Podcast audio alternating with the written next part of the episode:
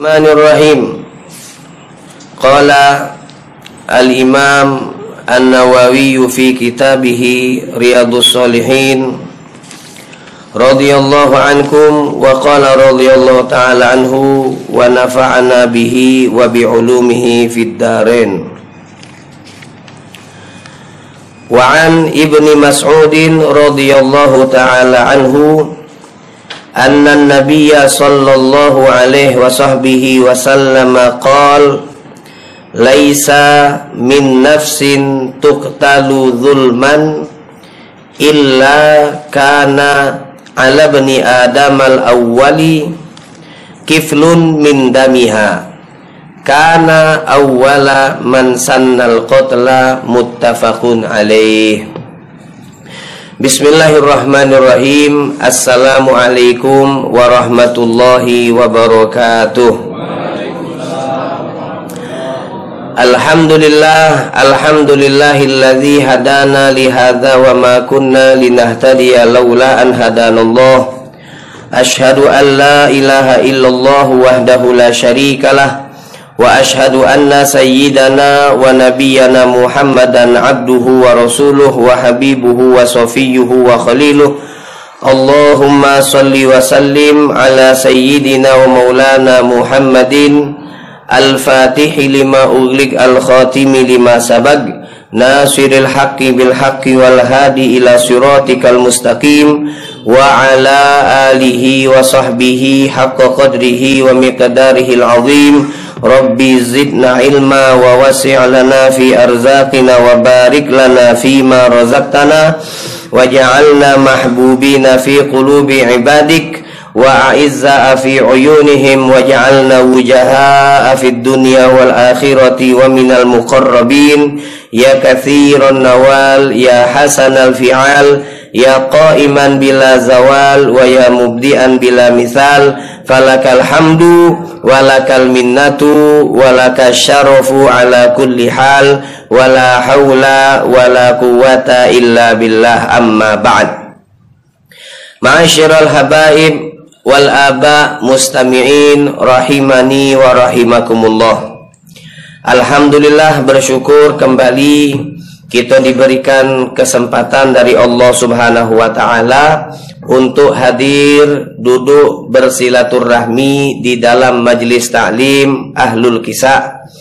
Yang mana di dalam majlis ini sedikit demi sedikit kita mengkaji kita membaca daripada karya salah satu daripada karya Al-Imam An-Nawawi yaitu kitab Riyadus Salihin. Insyaallah dengan kita mempelajari kitab ini sedikit demi sedikit bertambah kesolehan dan kedekatan kita dengan Allah Subhanahu wa taala. Melanjutkan pembahasan di dalam bab fi man sanna sunnatan hasanah au sayyi'ah. Bab menjelaskan tentang orang yang menjadi pelopor daripada kebaikan ataupun pelopor daripada keburukan. Di hadis yang pertama yang sudah kita bahas di minggu yang lalu, Nabi Muhammad sallallahu alaihi wasallam beliau mengatakan man sanna fil islami sunnatan hasanah falahu ajruha wa ajru man amila biha ba'dah min ghairi ayyan khusa min ujurihim syai' Barang siapa yang menjadi pelopor sebuah kebaikan Sehingga dari kebaikan yang dia lakukan tersebut Banyak orang-orang yang akhirnya mengikuti Orang-orang yang akhirnya mencontoh daripada kebaikan yang dia lakukan Maka kata Nabi Muhammad wasallam orang tersebut pertama dia mendapatkan pahala dari kebaikan yang dia lakukan. Dan yang kedua dia mendapatkan pahala dari orang-orang yang melakukan kebaikan disebabkan karena mereka mencontoh orang yang pertama yang menjadi pelopor daripada kebaikan tersebut. Min ghairi ayyan kuso min ujurihim syai' dengan tanpa mengurangi daripada pahala-pahala dari mereka yang melakukan kebaikan. Maksud daripada kalimat itu orang yang mencontoh ketika mereka melakukan kebaikan itu mencontoh seseorang, maka orang yang dicontoh akan mendapatkan pahala dari kebaikan yang dilakukan oleh mereka tadi. Akan tetapi kata Nabi Muhammad bukan berarti bagian daripada pahala yang dilakukan oleh yang mencontoh itu dikurangi oleh Allah kemudian diberikan kepada orang yang dicon dicontoh. Jadi tetap yang mencontoh mendapatkan pahala 100% dan pahala tersebut setimpal Allah juga berikan kepada dia yang menjadi pelopor daripada kebaikan 100%. Kemudian hadirin mustami'in rahimani wa rahimakumullah. Dari hadis ini ucapan yang diucapkan oleh Rasulullah Sallallahu Alaihi Wasallam maka kita tidak bisa membayangkan alangkah besarnya pahalo alangkah banyaknya pahalo yang akan didapatkan ataupun yang telah didapatkan oleh Nabi Muhammad Sallallahu Alaihi Wasallam karena beliaulah pelopor kebaikan yang pertama kali kita bisa mengenal dua kalimat syahadat dari Nabi Muhammad sallallahu alaihi wasallam.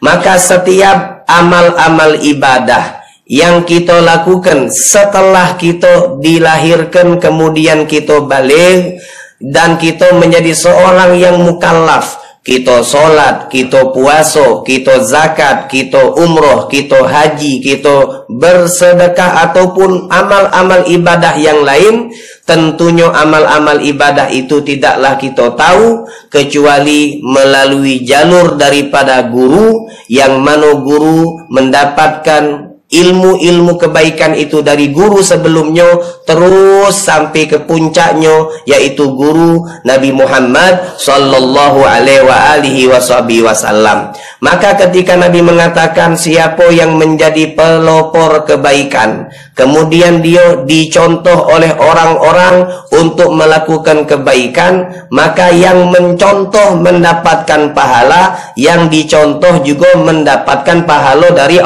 Allah Subhanahu wa taala. Setiap kita solat kita mendapatkan pahala dan seluruh daripada umat Nabi Muhammad yang solat mereka mendapatkan pahala baik mereka yang akan hidup setelah zaman kita ataupun mereka yang sudah hidup sebelum zaman zaman kita. Mereka telah mendapatkan pahala dari solat-solat mereka tersebut. Dan setiap solat yang dilakukan oleh umat Nabi Muhammad baik solatnya solat wajib ataupun solat sunnah. Solatnya munfarid ataupun berjamaah berjamaah. Solatnya dalam keadaan jamak takdim ataupun jamak takhir. Solatnya dalam keadaan koser dan seterusnya. Daripada macam-macam bentuk dan jenis-jenis solat tentunya seluruh daripada solat tersebut kita tahunya dari Nabi Muhammad sallallahu alaihi wasallam maka pahala yang terbesar yang akan didapatkan oleh seorang hamba yaitu Nabi Muhammad sallallahu alaihi wasallam. Kemudian hadirin mustami'in rahimani wa rahimakumullah maka setelah beliau menyatakan pelopor kebaikan akan mendapatkan pahala sebaliknya Rasulullah juga menyatakan man sanna sunnatan sayyi'ah. Barang siapa yang menjadi pelopor daripada keburukan gara-gara dia akhirnya wong mencontoh daripada perbuatan buruk perbuatan yang tidak diridhai Allah perbuatan yang tidak diridhoi oleh Nabi sebelumnya wong tak tahu bahwasanya di sebuah uh, di dalam dunia ini ada sebuah keburukan kecuali setelah dia melakukannya pertama kali maka wong yang menjadi pelopor tersebut juga akan mendapatkan dosa Pertama dosa karena dia berbuat buruk, berbuat maksiat. Yang kedua dosa karena dia telah menjadi con contoh daripada keburukan-keburukan yang akhirnya dilakukan oleh mereka orang-orang yang mencontoh. Min ghairi ayyan min auzarihim syai. Tanpa mengurangi daripada dosa-dosa yang mencon mencontoh. Jangan mentang-mentang kita mencontoh seseorang akhirnya kita beranggapan oh tenang baik dosanya bagi dua tidak. Dosanya kita dapat 100% kalau kita melakukan keburukan dan kita mencontoh fulan, maka fulan juga mendapatkan dosa 100% gara-gara menjadi con contoh naudzubillah thumma naudzubillah. Maka kita hati-hati jangan sampai melakukan sesuatu, mengucapkan sesuatu, membagikan, men-share sesuatu yang akhirnya menjadi pelopor daripada keburukan. Itu menjadi dosa yang dikatakan dosa jariah ngalir terus meskipun kita meninggal kalau memang wong taunya buruk keburukan itu dari kita pertama kali yang ngawi kenyo maka dosa-dosa itu akan terus dialirkan kepada kita. Meskipun kita sudah meninggal sudah berada di alam bar barzakh. Maka kita berharap insya Allah kita bukan menjadi pelopor keburukan tetapi menjadi pelopor keba kebaikan. Tuba thumma tuba thumma tuba. Beruntung beruntung dan beruntung kata Nabi Muhammad sallallahu alaihi wasallam. Orang manja'alahullah miftah lil khair yang dijadikan sebagai pintu atau kunci pintu-pintu kebaikan wa miglaq lisyar dan kunci daripada penutup pintu-pintu kebu keburukan. Kemudian apa namanya well celaka Summa welun kemudian celaka dan celaka mereka yang dijadikan oleh Allah Subhanahu wa taala pembuka daripada pintu-pintu keburukan, penutup daripada pintu-pintu keba kebaikan. Insyaallah kita menjadi pembuka daripada pintu-pintu kebaikan, penutup pintu-pintu keburukan. Amin ya rabbal alamin. Hadirin Nabi Muhammad di dalam hadis yang diriwayatkan oleh Al-Imam Abdullah ibni Mas'ud radhiyallahu taala anhu.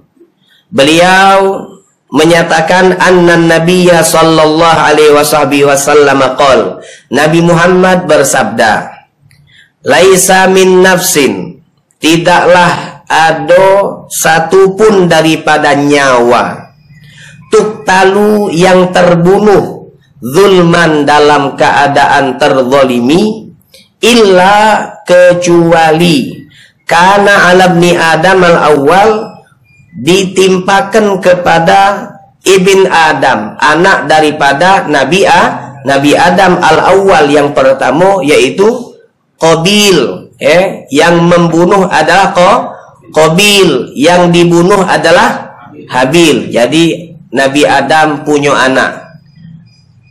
Yang pertama namanya Qabil dia punya kembaran perempuan. Kemudian yang kedua namanya Habil, dia juga punya kembaran perempuan. Karena waktu itu belum ada manusia kecuali mereka, maka ada syariat diperbolehkan menikah dengan saudara kandung. Jadi jangan bertanya, umadai pengantin sama dulur dewe. Ini kan karena alasan belum ada wong selain mereka. Jadi Nabi Adam membuat keputusan Habil pengantin dengan dulurnya Qabil yang perempuan, kemudian Qabil pengantin dengan dulurnya Habil yang perempuan. Nah, pas dapat daripada keputusan tersebut, Qabil tidak terima Kenapa dia tidak nerima? Ingatkan yang membunuh tu kau, bukan hai. Jadi Qabil ini tidak terima, tidak setuju dengan keputusan Nabi Adam. Alasannya kenapa? Karena menurut pandangan dia, karena dia manusia, bukan malaikat, malaikat. Kenapa dia bukan bukan malaikat? Karena dia manu manusia. Nah kan, yang namanya manusia bukan malaikat. Nah, kalau wong bertanya, ngapo dia bukan malaikat? Karena dia manusia. Manusia ini diberikan hawa nafsu. Berbeda dengan malaikat. Malaikat itu tak kati hawa nafsu, tak kati syahwat. Jadi hidupnya selalu taat ibadah kepada Allah. Allah Subhanahu wa taala. Makonyo terutusnya Nabi Muhammad sallallahu alaihi wasallam kepada kelompok malaikat bukan untuk memberikan dakwah syariat kepada mereka, bukan. Jadi katanya ulama, Nabi ini diutus oleh Allah untuk seluruh makhluk. Nabi sekali lagi diutus oleh Allah untuk seluruh makhluk yang diciptakan oleh Allah galo-galonya diutus kepada mereka Nabi Muhammad sallallahu alaihi wasallam. Nah, kemudian terutusnya Nabi beda-beda tugas. Kalau untuk kita manusia dan bangsa jin, Allah berfirman, "Wa ma khalaqtul jinna wal insa illa liya'budun. Tidaklah aku ciptakan jin dan manusia kecuali untuk mereka beribadah kepadaku. Maka kita begitu balik dan berakal kita dibebankan oleh Allah untuk menjalankan syariat yang dibawa oleh Nabi Muhammad. Jadi Nabi Muhammad beliau diutus untuk kita manusia, diutus diutus untuk bangsa jin sebagai penyampai, sebagai pemberi syariat syariat itu untuk kita sama jin. Katanya ulama, Nabi juga diutus untuk malaikat. Nah, malaikat buat apa? Tanpa diberikan syariat, mereka sudah sholat. Tanpa diberikan syariat, mereka juga selalu tak taat. Tidak pernah bermaksiat. Tidak perlu dikatakan homer itu haram. Tidak perlu dikatakan zina itu haram. Mereka malaikat tidak punya syahwat hawa nafsu untuk melakukan maksiat. Mereka cuma sikok tujuannya menggapai ridho Allah Subhanahu Subhanahu wa taala. Layak kulun, mereka tidak makan. Walaya syarabun, malaikat juga tidak mi, minum. Walaya namun, mereka tidak tidur. Kok tidak makan? Kenapa mereka tidak makan? Karena dia bukan manusia. Yang makan tuh manu, manusia. Walaya syarabun tidak minum. Yang minum tuh manusia. Walaya namun, kenapa malaikat tidak tidur? Yo yang tidur itu manusia. Laisu bidzukurin wala inas. Mereka juga tidak berjenis kelamin. Nak kata kita tak boleh ngomong Jibril itu lanang. Apalagi kita ngomong Jibril itu perempu, perempuan. La, laisu bidzukurin wala inas. Bukan perempuan dan juga bukan laki-laki. Lalu apa? Ya tak baca. Mereka bukan manusia. Ya kan malaikat bukan bukan manusia. Nah, balik ke cerita tadi. Qabil ini manusia. Ketika dia diputuskan oleh Nabi Adam untuk menikah dengan saudara perempuan Habil, dulur betino Habil ini tidak cantik. Beda sama dulur kembarannya kok. Qabil, Qabil ini punya dulur kembaran cantik. Artinya Qabil ini ganteng. Ya biasa kan ya itu kan? Tak mungkin 11 12 apa namanya jauh 180 derajat kali kembangan tu.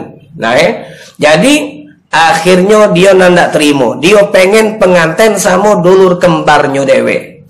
Maka Nabi Adam waktu itu ya sudah. Daripada pening, mai ini be.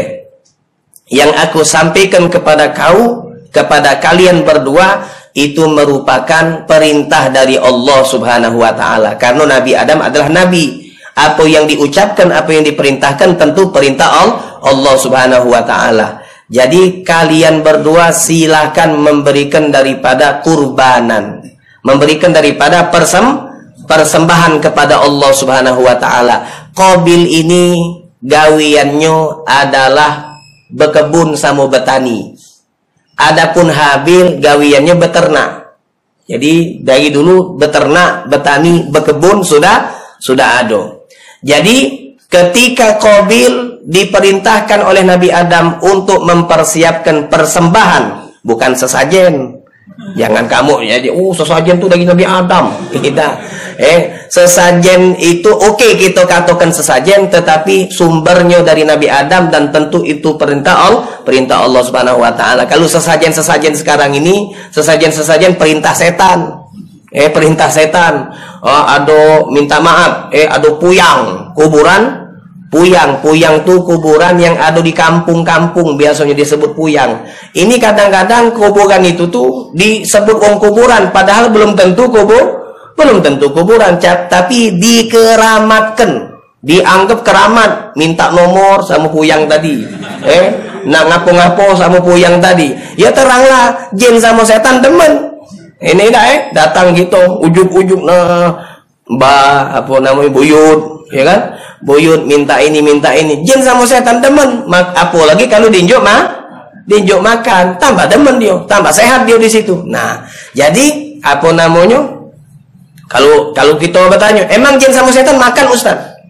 Makan. Kan kita pernah baca hadis Rasulullah Sallallahu Alaihi Wasallam. Nabi ngomong kalau makan kita tidak berdoa maka makanan itu dipeloi oleh saya setan. Akhirnya setan sama jin mah makan. Yang tidak makan tuh malah eh malaikat. Jadi jangan ngibul lah. Oh saja ini untuk malaikat. Tak kati-kati malaikat lagi tak makan apalagi om Allah subhanahu subhanahu wa ta'ala. Jadi alhasil apa namanya Qabil mempersiapkan persembahan ini sayur-sayur yang tidak bagus buah-buah yang tidak bah, yang tidak bagus beda sama Habil Habil ini mempersiapkan ternak hasil ternaknya yang paling baik, kambing yang paling bagus. Kemudian diletakkan. Jadi di satu tempat ini punyanya Habil, ini punyanya Qabil. Akhirnya fatuqubbila min ahadihima walam yutaqabbal minal akhir. Allah menceritakan. Kalau ceritanya ada di dalam Al-Qur'an, artinya ceritanya pasti. Ceritanya yakin, bukan dongeng, bukan alkisah, bukan katonyo, tetapi memang ya yakin. Fatuqubbila min ahadihima. Allah menerima daripada persembahan salah satu daripada anak Adam yaitu Habil walam yutaqabbal minal a minal akhir dan sikoknya tidak diterima yaitu Qabil. Mak mano cara Allah menerima waktu itu disebutkan oleh para ulama tafsir mereka apa persembahan itu yang diambil itu diambil oleh api. Jadi ada api nyamber kambing atau hewan ternak tadi yang milik daripada ha Habil. Nah, waktu itu ketika yang diterima adalah punyonyo Habil, katanya Nabi Adam sudah Berarti keputusan yang pertama tetap kita jalan jalankan Habil pengantin sama dulur kembarnya Kobil. Maka Kobil marah. Qala tulannak. Urusan betina ini bahaya juga. Eh, qala tulannak. Inti ini anak-anak munu inti. Eh, qala tulannak. Anak-anak munu inti. Maka Habil ngomong sama Kobil, ngaku inti nak munu anak? Inti ini ngembek haknya anak. Allah akhirnya ni mempunyai ente ente ni antai ente corong hasut lah eh? Segala alasan disebut kenyo qala la tulanat qala innama yataqabbalullah minal mut muttaqin. Katanya Habil ketahuilah Allah itu sebenarnya tidak ngembek bagus atau tidak bagus. Tidak ngembek yang mana secara fisiknya bukan. Tetapi Allah Subhanahu wa taala menerima daripada sodakoh pemberian minal muttaqin yang keluar daripada orang-orang yang bertak bertakwa. Nengar itu tambah panas. Nengar itu tambah tambah panas. Maka Nabi Ad, ah, Habil tadi ketika sudah nak dibunuh oleh Qabil, la in basatta ilayya yadaka litaktulani ma ana bibasiti yadi ilaika liaktulak. Katanya Habil ngomong sama Qabil, kalau inti manjangkan tangan inti ke anak Artinya menghunuskan pedang untuk membunuh aku. Ma ana bibasiti yadiya ilaika liaktulak. Sungguh ana tidak bakal manjangkan tangan ana untuk membunuh inti. Ana tidak galak. Ana tidak galak mulani munu. Dan kalau inti munana juga ana tidak galak males. Jadi ibarat kata tak kata perlawanan sama sama sekali. Ana tidak galak mulani. Kan tadi kan sudah haddada yang namanya Qabil itu sudah ngancem. Ini bukti wong penakut tuh banyak omong. Makanya kata Nabi di dalam syariat ketika sholat khuf, sholat khuf, sholat yang dilakukan di saat masa perang itu segala apa yang membatalkan sholat tidak batal. Bergerak kalau kita lagi tidak perang batal, tapi kalau pas perang tidak batal. Kita ngeluncat, melompat, nak mak manobe tidak bah, tidak batal. Cuma kalau kita ngomong batal. Kalau kita ngomong bah, batal. Perang kenapa kalau ngomong batal? Karena katanya ulama, perang itu bagusnya udah usah banyak omong. Eh karena kalau dia banyak omong, maka akan menghilangkan rasa khawatir darimu musuh. Kau awas kau eh. Ngolah, ini banyak penakut. Kalau dia berani langsung baik, beres, ya. Yeah? Nah, ini makanya eh, anak punya kawan hobinya begoco. anak punya kawan hobinya begoco sampai sekarang. Kalau kita ke rumahnya dua jam, tiga jam, dimetukannya seluruh senjata. Tombak, pedang, pentingan, apa? Senapang, dan seterusnya lah. Nah, dia anak, anak yo cokak, cokok kita ngalir beda eh. Cara kita ngalir. Kalau haji dikoyoi wong mana ji? Haji mana yang mana? Habib kalau dikoyoi, Habib jengok yang mana yang diem. Eh kalau yang banyak omong jangan usah dilugui dulu, Habib. Habib jengok yang mana yang diem. Karena yang diem itu itulah yang bahaya. Dia ngincegi kita memang nak nganu gitu. Tapi kalau apa? Yang banyak omong nih, dia tuh nak ngelatih mental dulu. Budak nih ngelawan apa tidak? Kalau ngelawan laju, kalau ngelawan kerib lagi. Nah, ini memang ternyata mah itu sunnah Nabi Muhammad. Eh, di dalam ajaran Nabi Muhammad emang mah itu kalau perang jangan ngomong diam beda kalau urusan kalau pas makan eh kita terbalik pas makan diam pas lagi perang banyak ngomong nah ya kan? Makanya kalau misalnya wong galak di grup WA tuh banyak ngomong tuh coba coba penyak, penakut galun laju lah laju lah nah, pas udah tampil dah ada yang metu. Nah eh, eh bener lah ada kan di grup WA ayo kapan jihad? Nunggu nunggu nah nah ah, ngoceh-ngoceh terus. Giliran datang air waktunya diem galau. Nah ini. Jadi jangan banyak omong. Eh kita tidak perlu banyak omong. Yang kita perlukan langsung ekse eksekusi. Eh katanya siapa namanya Habil. Anak kalau inti manjangkan tangan ke anak, anak tidak galak manjangkan tangan anak ke inti. Anak tidak galak mulani dan tidak galak ma males karena takut. Kalau dia mulani dulu kan tadi ngancem. Inti awas ya, anak nak mau inti kaki la aktulanna sungguh aku bakal membunuh engkau omongan itu keluar dari Habil sudah belum baru ngancem be. Anak-anak ente sungguh nak kubunuh kau. Maka apa namanya Habil tentu kalau misalnya diomongi kau nak kubunuh lebih baik kita nganu dulu betul lah sebelum didului lemak nulu.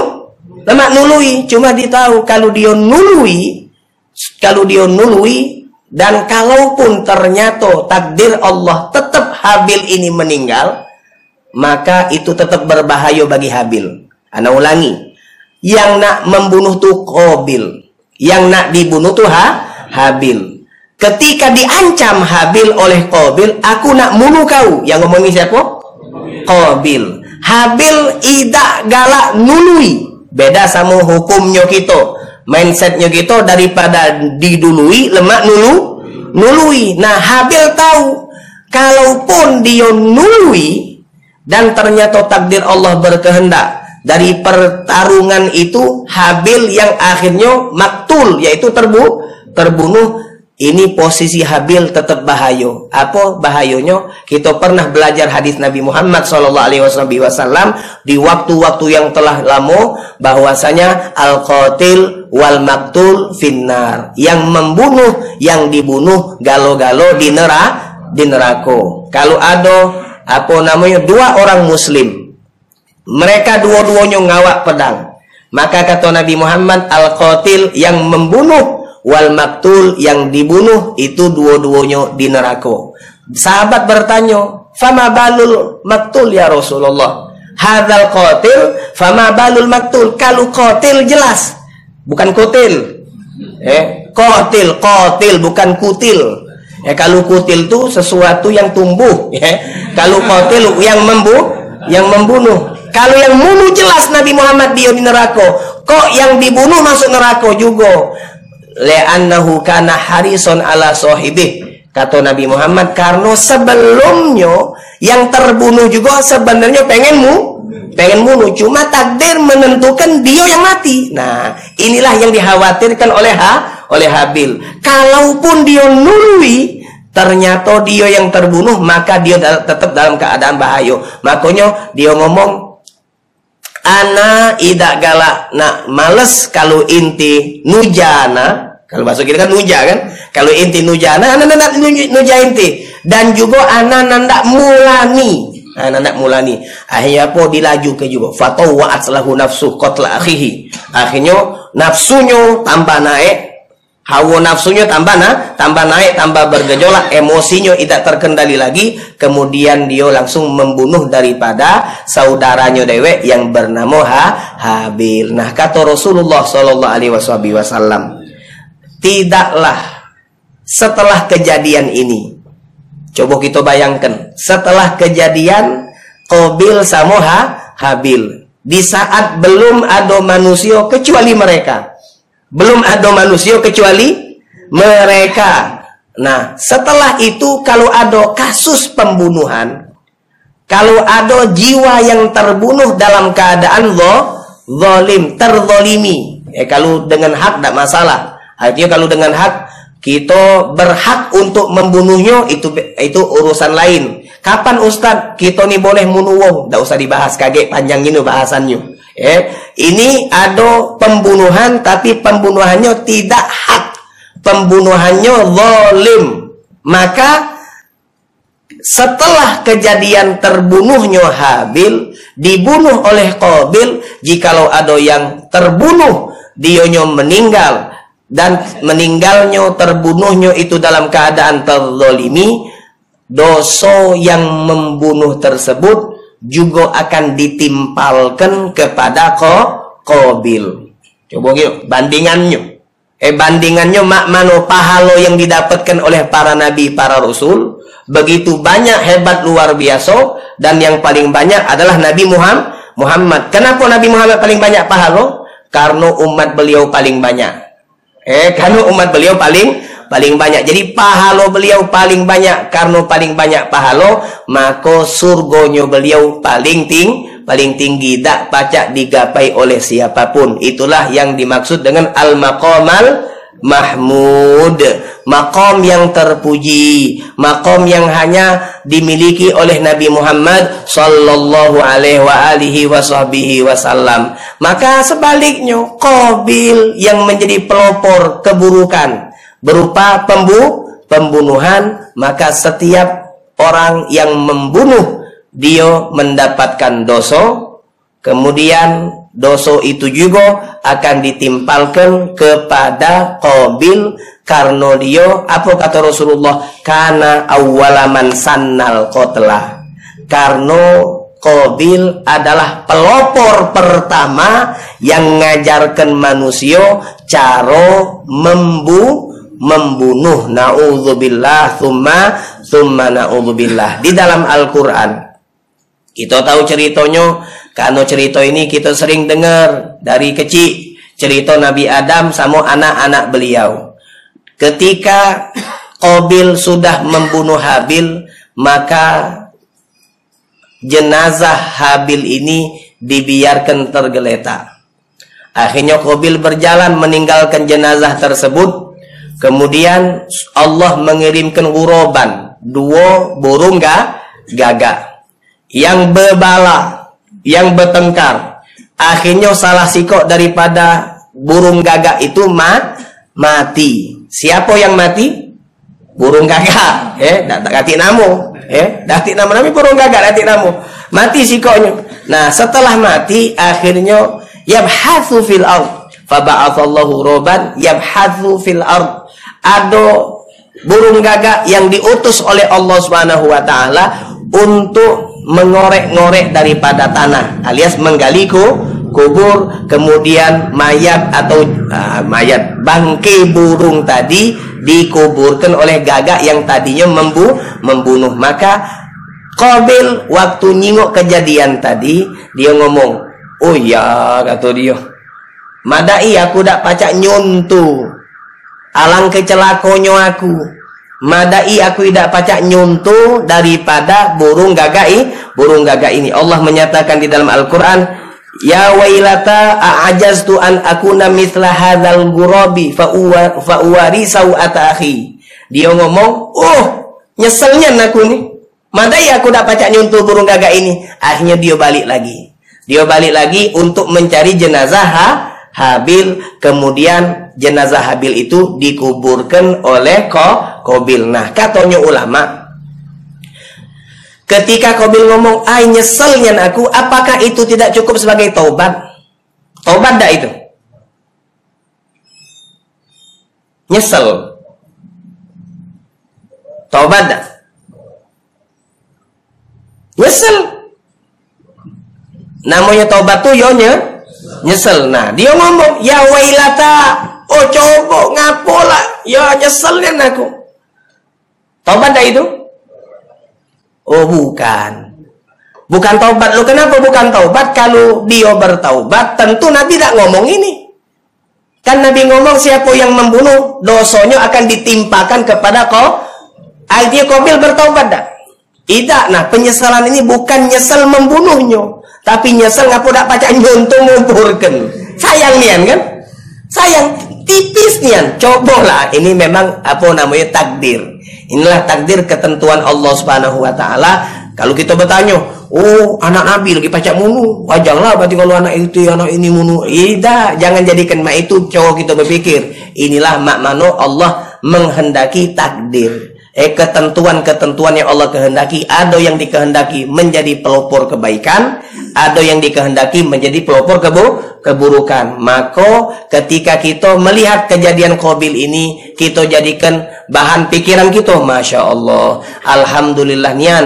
Kalau selama ini aku masih dilindungi oleh Allah Subhanahu Wa Taala untuk tidak dari uh, tidak terjerumus ke dalam perbuatan-perbuatan bu buruk. Nah ini kita baru tahu makmano mahalnya bentuk hidayah taufik yang diberikan daripada Allah Subhanahu Subhanahu wa taala. Kemudian hadirin, katanya ulama, sikap Habil.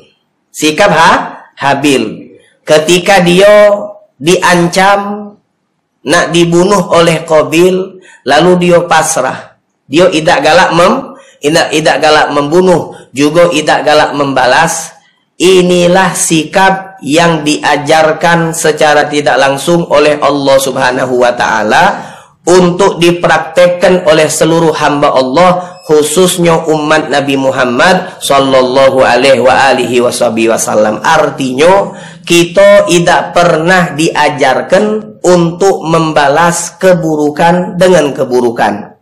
Tidak pernah diajarkan. Artinya kita kalau ada wong yang menzalimi kita, kita tidak boleh membalas perbuatan zalim itu dengan kezo kezoliman. Maka cerita yang dicontohkan oleh Nabi sangatlah banyak. Mak mano ketika beliau diludahi oleh seorang Yahudi, mak mano ketika beliau diganggu oleh orang-orang yang kafir, kemudian ketika diganggu yang mengganggu itu sakit, dia apa dijenguk oleh Nabi Muhammad sallallahu alaihi wasallam. Akhirnya ini menjadi sampel, menjadi contoh uswah hasanah untuk kita mak mano cara kita menyikapi orang-orang yang berbuat zalim kepada ki kepada kita. Jangan jadilah seperti Habil. Kalau ente nak munu ana, ana ndak munu inti. Jadilah seperti ha, Habil. Kalau ente nganggu ana, ndak nganggu nganggu inti. Dengan catatan ini kalau urusannya urusan priba, pribadi. Tapi kalau urusan agama beda konsep. Eh kalau urusan agama beda pemba beda pembahasan. Kalau urusan-urusan pribadi maka lebih baik kita menjadi wong yang menga mengalah. Kaget kata Nabi Muhammad wasallam di akhir zaman apa namanya akan terjadi fitnah yang salah satu dari daripada fitnah terjadi apa perang saudara. Jadi banyak terjadi perang saudara. Yang mana yang kita perangi adalah saudara kita sesama mus muslim. Maka Nabi Muhammad sallallahu alaihi wasallam beliau memberikan wasiat kepada kita ini statota antakuna abdan maktulan faf'al. Kata Rasulullah, di masa itu kalau kita ngalaminya, kalau kita ngalaminya, kalau memang tidak jangan, eh tidak usah eh. Kalau memang kita ngalami masa-masa itu terjadi perang-perang saudara, maka kata Rasulullah SAW, kalau kau mampu untuk menjadi wong yang terbunuh, maka lebih baik. Lebih baik menjadi wong yang ter terbunuh. Jangan mengangkat pedang. Jangan mengangkat senjata selama yang diperangi itu bukan wong yang ka kafir. Apa be permasalahannya tak usah kita apa namanya nak sok jihad, nak sok perang dan seterusnya. Selama yang dijadikan objek atau yang dijadikan lawannya itu masih dalam keadaan mus muslim. Nah ini. Jadi kalau sesama muslim lebih baik kita menga mengalah karena itu ajaran daripada baginda Rasulullah sallallahu alaihi wa alihi wasallam. Hadirin mustamiin rahimani wa rahimakumullah. Sekali lagi dari hadis ini kita menjadi apa namanya diberikan gambaran yang sangat gamblang, jelas dari Nabi Muhammad mak mano beda keadaan pelopor daripada kebaikan dan pelopor daripada kebu keburukan. Maka ayo di tahun baru 1443 Hijriah kita berniat untuk selalu berbuat baik sehingga perbuatan baik-baik kita ini menjadi contoh bagi yang melihat kebaikan kita dengan harapan insya Allah yang memberikan contoh kepada perbuatan baik insya Allah selalu mendapatkan pahala dari Allah subhanahu subhanahu wa ta'ala. Insya Allah selalu kita diberikan taufik diberikan hidayah petunjuk daripada Allah subhanahu wa ta'ala dan kita berharap agar negeri kita Indonesia dijaga oleh Allah subhanahu wa ta'ala daripada fitnah-fitnah dan kita berharap kepada Allah agar Al-Imam Al-Habib Muhammad Rizik bin Hussein bin Syahab beserta saudara-saudara pecinta-pecinta beliau selalu diberikan penjagaan kemenangan dari Allah Subhanahu wa taala.